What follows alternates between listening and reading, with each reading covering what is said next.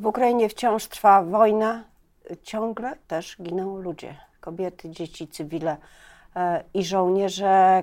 Końca tego konfliktu nie widać, a konflikt ten zmienia cały świat. Rozpoczynają się właściwie w mijającym roku, rozpoczęły się już nowe procesy, e, które dotyczą wszystkich sfer, nie tylko sfery e, umów wojskowych, aliansów obronnych czy ofensywnych, ale także handlu, pieniędzy i nowego układu sił w całym świecie, gdzie w tym wszystkim jest Polska. No właśnie o tym już za chwilę będę rozmawiała e, z moim gościem, Zuzanna Dąbrowska. Dzień dobry. A moim gościem jest doktor Małgorzata Bonikowska, Centrum Stosunków Międzynarodowych i Think Tank. Dzień dobry. Dzień dobry. E, ogólnie rzecz biorąc, e Zeszły rok upłynął pod znakiem dramatycznego konfliktu zbrojnego, dramatycznej wojny i agresji, odczuwalnej szczególnie e, w Polsce, która jest państwem, można powiedzieć śmiało, przyfrontowym. Nie dla wszystkich państw świata wojna ta była centralnym e, punktem e, relacji międzynarodowych, ale na pewno dla wszystkich państw na świecie był to bardzo ważny czynnik zmieniający rzeczywistość. Czy można mówić, że żyjemy w okresie zmiany, y, zmiany relacji międzynarodowych, zmiany y, układu sił, y, sojuszy być może? Tak, na pewno. Na pewno żyjemy w jakiejś takiej chwili, nie wiadomo jak ona długo będzie trwała, przejścia z jednego świata, który znamy, którego się uczyliśmy. Większość z Państwa pewnie się urodziła w XX wieku i wykształciła w XX wieku. No my teraz mamy XXI i to 2023 rok tego nowego wieku, nowego tysiąclecia i w pewnym sensie te y, lata to jest przebudowa. Przebudowa międzynarodowego układu sił w coś nowego, co nie wiadomo jeszcze jak będzie wyglądało, ale to, co widzimy na pewno, to że ten świat, który obserwowaliśmy w ciągu ostatnich powiedzmy dwóch, trzech dekad, czyli świat y, po zimnej wojnie, po zakończeniu zimnej wojny, upadku Związku Radzieckiego, czyli odpadnięciu jednego gracza, a wejściu na arenę tego głównego gracza w postaci Stanów Zjednoczonych i generalnie za nimi Zachodu, który no, ten świat międzynarodowy, globalny urządził y, trochę na swoją miarę z instytucjami, z prawem międzynarodowym, z pilnowaniem też tego światowego porządku, tak żeby na przykład y, globalne firmy mogły spokojnie robić biznes. To wszystko się załamało, załamało się nie jednego dnia bo rosyjska agresja na Ukrainę jest jedną z, jednym z wydarzeń na tej drodze, ale się załamywało powoli. W sumie można powiedzieć od 11 września 2001 już te sygnały takiego kwestionowania tego ładu występowały. Ze strony Rosji to oczywiście była Gruzja w 2008 roku, potem Krym w 2014, no ale równolegle na świecie rosły w siłę nowe potęgi a w zasadzie nowe, stare potęgi, przede wszystkim Chiny, które trochę niepostrzeżenie dla zachodniego świata, zwłaszcza dla Amerykanów, mm, no doszły do praktycznie zakwestionowania przewagi Stanów Zjednoczonych na świecie w każdej dziedzinie i wypychania y, Ameryki ze swojego regionu, ze swojego najbliższego otoczenia, z Pacyfiku. To wszystko trochę Zachód zaskoczyło, natomiast to, co zrobili Rosjanie swoją inwazją, to jest zakwestionowanie tego ładu, tego porządku wprost dlatego że to już nie jest wojna hybrydowa, tak jak na Krymie, tylko to jest wprost inwazja, naruszenie granic, najechanie sąsiada i złamanie wszystkich praw, które do tej pory uznawaliśmy za nie do złamania, przynajmniej w zachodnim świecie.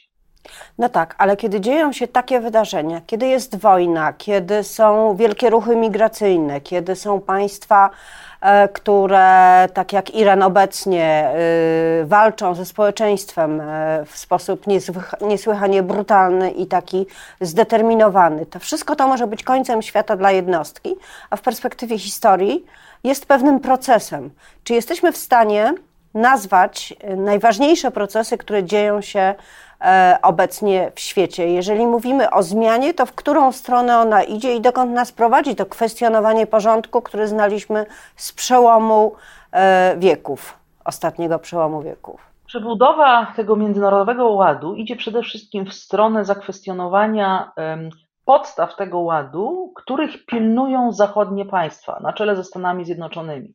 Wystarczy spojrzeć na skład G7, czyli tej nieformalnej grupy najsilniejszych światowych gospodarek, z których tak się składa, wszystkie są zachodnie. W tym sensie Japonia jest uważana również za państwo zachodnie, zachodniego sojusznika, demokracja bardzo dobrze działająca, no, zbudowana na miarę zachodnich zasad. Tymczasem weszły do gry kraje, które mają swój e, świat, inny świat, swoje własne zasady, inne zasady. I e, pierwsze, co chcą zrobić, myślę tu przede wszystkim o Chinach, ale Chiny za sobą ciągną, dając alternatywę, ustrojową alternatywę, mogą ciągnąć wiele innych krajów tak zwanego globalnego południa, krajów Azji, krajów Afryki, które patrzą na Chiny, które e, mogą nawet próbować wzorować się na Chinach w tym sensie, że nie muszą dzisiaj być demokracjami, nie muszą e, mieć e, takiego ustroju, jak na Zachodzie dominuje przekonanie, że najlepszy ustrój to jest właśnie społeczeństwo otwarte, demokracja, zmiana władzy, partie, które ze sobą rywalizują, dyskutują. No, tego wszystkiego nie, nie ma w wielu państwach świata. My cały czas na globie, mając około 200 państw, mamy różne ustroje, od monarchii absolutnych, rządzonych bardzo, bardzo twardą ręką, po monarchie i mm, również republiki, które mają autorytarne władze, które rządzą się bardzo silną ręką. Wystarczy spojrzeć na znowu Chiny, ale także Rosję i wiele innych państw, których na przykład w Afryce czy w Azji niekoniecznie chciano, niekoniecznie podobał się ten zachodni sposób urządzenia relacji między rządzącymi a rządzonymi. Więc dzisiaj mamy tak naprawdę dwie propozycje na stole. Mamy propozycję takich ustrojów, e, gdzie demokracja jest podstawą, czyli coś takiego, co Zachód wypracował przez setki lat, z czego jesteśmy dumni i chcielibyśmy tak być rządzeni, ale mamy także na stole na przykład czynizm, jak to mówi profesor Kołotko, czyli ustrój, który pokazuje, że można być bogatym, można być bardzo silnym państwem, zakwestionować wręcz przywództwo Stanów Zjednoczonych, a jednocześnie wcale nie być demokracją, mieć bardzo autorytarne, totalitarne jakby państwo. Więc y, mamy dwie. To dotyczy państw arabskich przede wszystkim? Bogatych państw arabskich? To może dotyczyć wszystkich państw, w których przywódcy z różnych względów nie, naj, nie mają najmniejszej ochoty się demokratyzować. Popatrzmy nawet na, nie wiem, gdzie daleko szukać, na Białoruś. Y, propozycja Zachodu, która polegała na tym, że współpracujemy, im głębsze to jest y, demokratyzowanie się państwa, z którym współpracujemy, tym bardziej współpracujemy, czyli more for more, więcej za więcej, więcej pomocy, więcej współpracy y, za więcej demokratyzacji, reform i tak dalej. Nie udało się. Działa, dziś nie działa dlatego że y, dla dyktatorów to nie jest żadna propozycja. O ile jeszcze można z nimi rozmawiać jakoś o prawach człowieka, o tym, czy, y, y, czy można jakby wpływać na ich trochę łagodniejszy stosunek, na przykład do represjonowania opozycji, o tyle, jeżeli chodzi o demokrację, oni nie są zainteresowani po prostu takim dialogiem. I, I, w tym momencie, jak mamy alternatywę, to nie wiadomo w którym y, kierunku, a w zasadzie wiadomo, że no nie będą y, procesy demokratyzacyjne dominującymi procesami na świecie. Więc Zachód w pewnym sensie teraz y, musi się pogodzić z faktem, że na planecie współistnieją różne koncepcje ustrojowe i po pierwsze, wcale nie będziemy my słuchani, to nie jest już ten okres, w którym Zachód będzie mówił innym, co mają robić, bo ci inni nie chcą nas słuchać. Po drugie, to jest kwestia obrony naszego świata, naszych wartości, naszego sposobu myślenia i działania przed innymi sposobami i innymi zakusami, bądź wchodzenia w nasz świat w sposób bardzo brutalny, jak chociażby zrobiła to Rosja, po prostu najeżdżając siłą sąsiada, który chce właśnie wejść na drogę, czy właściwie wszedł już na drogę tą zachodnią, urządzenia sobie państwa na zachodnich wzorcach. Więc my mamy też do czynienia z pewnego rodzaju walką o to, gdzie i jak daleko sięgają wpływy Zachodu, bo one już nie koniecznie dominują na całym globie. No tak, ale mm, Pani doktor, używa Pani pierwszej osoby liczby mnogiej, mówiąc my. A Polska y, jest oskarżana, czy też nasze relacje z, z, wspólnotą europejską psują się, opozycja zarzuca władzy, wszystko to jest wstępem do stwierdzenia łamanie praworządności.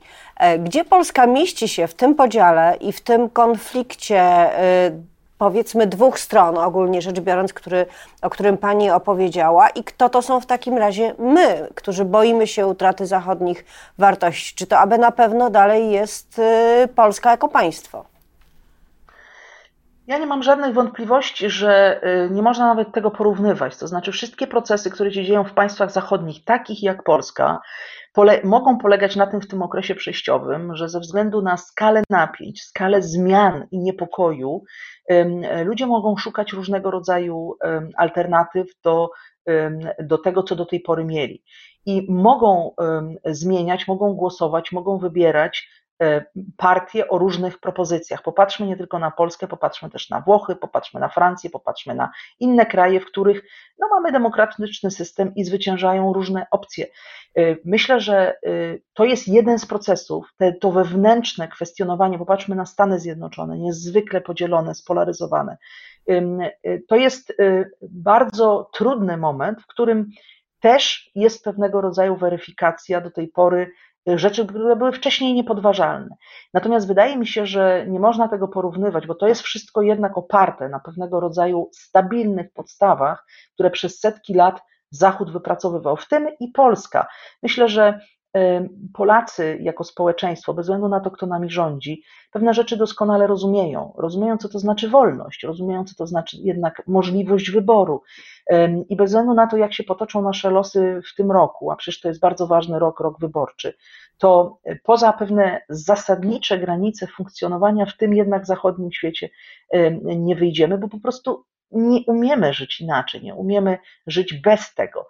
Natomiast czym innym zupełnie jest sytuacja na globalnym południu, w państwach, które albo dopiero się budują, tak jak w przypadku Afryki czy niektórych państw Azji, albo mają bardzo utrwalone zupełnie inne modele, modele chociażby absolutnych monarchii.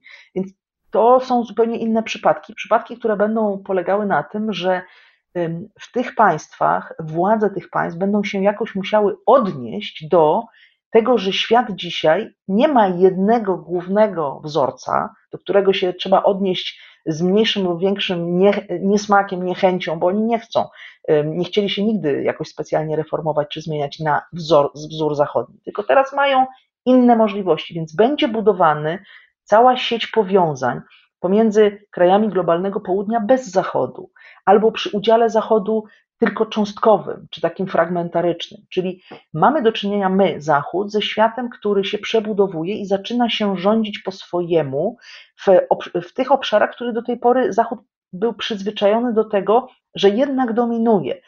Y, myślę, że to jest dla Zachodu trudny, y, trudny moment, dlatego że y, my musimy się nauczyć też tego, że nasza relacja musi być oparta na mm, dialogu w oparciu o coś, co kładziemy jednak na stole, o pewnego rodzaju dealowanie.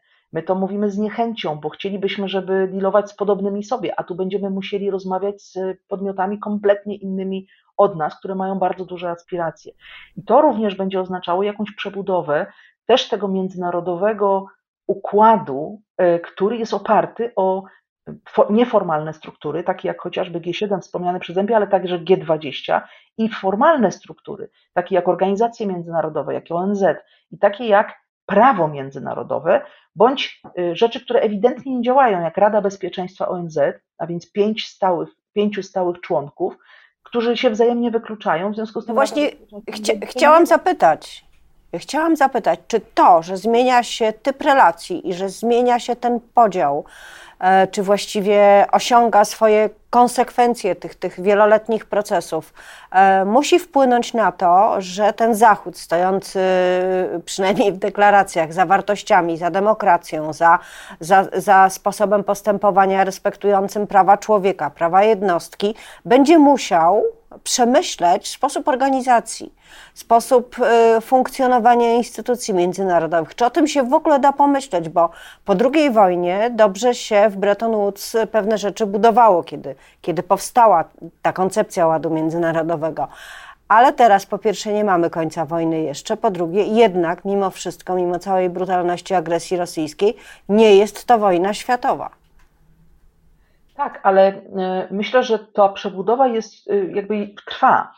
ewidentnie po obu stronach tego procesu, czyli po stronie tych, którzy do tej pory ten, wład, ten ład zapewniali i tych, którzy go teraz kwestionują, nie ma jeszcze finalnego kształtu tych relacji. One się właśnie budują i to, co przed nami, jest niewiadome, bo dzisiaj nie mamy jeszcze światowego konfliktu, obyśmy go nie mieli, ale wchodzimy w kolejny rok, wchodzimy w kolejne etapy napięć międzynarodowych.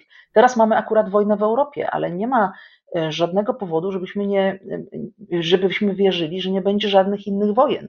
E, wcześniej wojny cały czas przecież były, tylko nie wchodziły w naszą zachodnią jakby część świata. Myśmy widzieli je gdzieś daleko na mapie. Wojna w Syrii, wojna w, Iraku, wojna w Jemenie, wojna w Libii. Mamy ogromne niestabilności cały czas w różnych rejonach świata.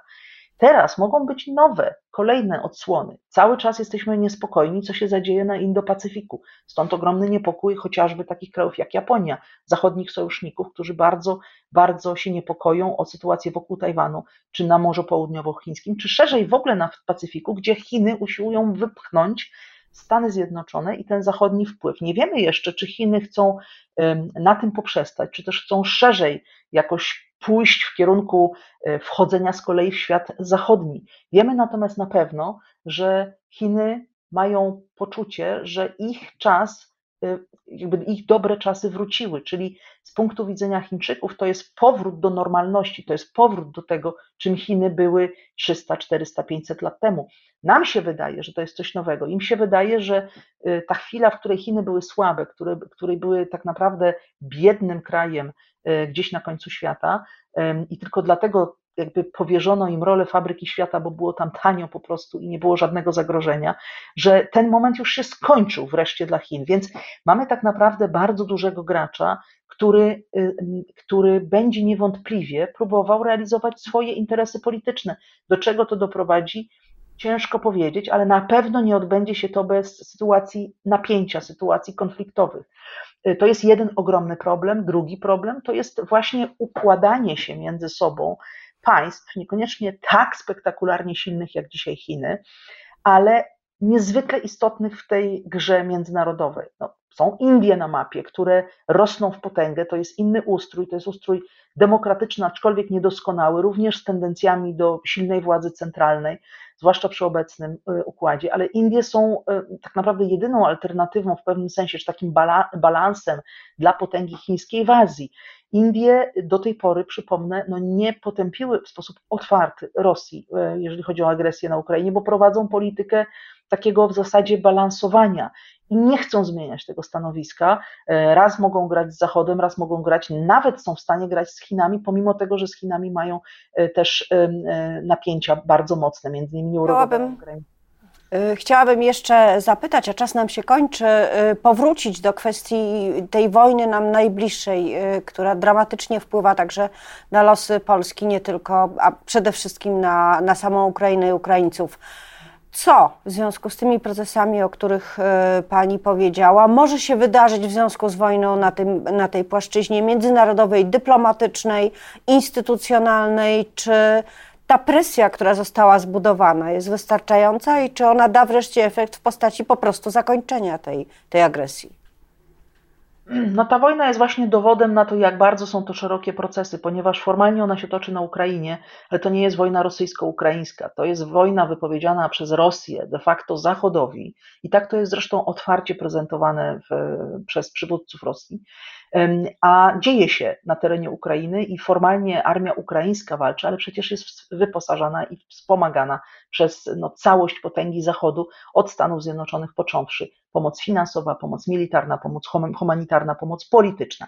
I to jest ogromne starcie, to jest taka wojna zastępcza, która wcale po pierwsze nie musi być jedyna. To jest pierwsza sprawa, którą będziemy obserwować w tym roku, to znaczy na ile to, że za Rosją również no Rosja szuka swoich partnerów, swoich sojuszników i e, przy Rosji w sposób niejednoznaczny, ale jednak przy Rosji stoi potęga Chin i bardzo to będzie ważne, co zrobią Chiny w tym roku. Czy coś zrobią w Azji, jak się zachowają dalej w kontekście Rosji.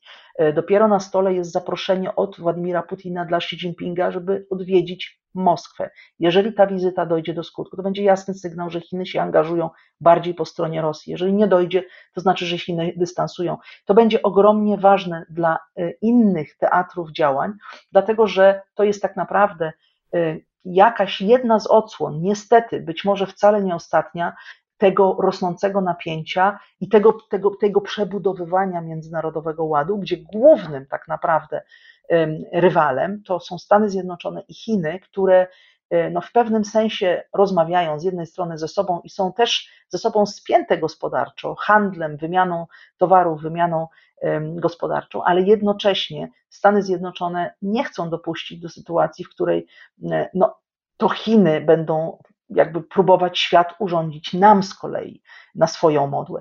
Więc y, rok 2023 będzie niewątpliwie rokiem niespokojnym.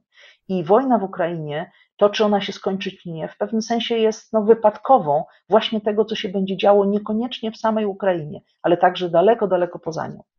A to znaczy, że mamy jako obywatele y, ograniczony wpływ na te wydarzenia, co też może niezbyt dobrą jest prognozą na ten rok, który się już zaczął. A za analizę sytuacji międzynarodowej i relacji międzynarodowych bardzo dziękuję.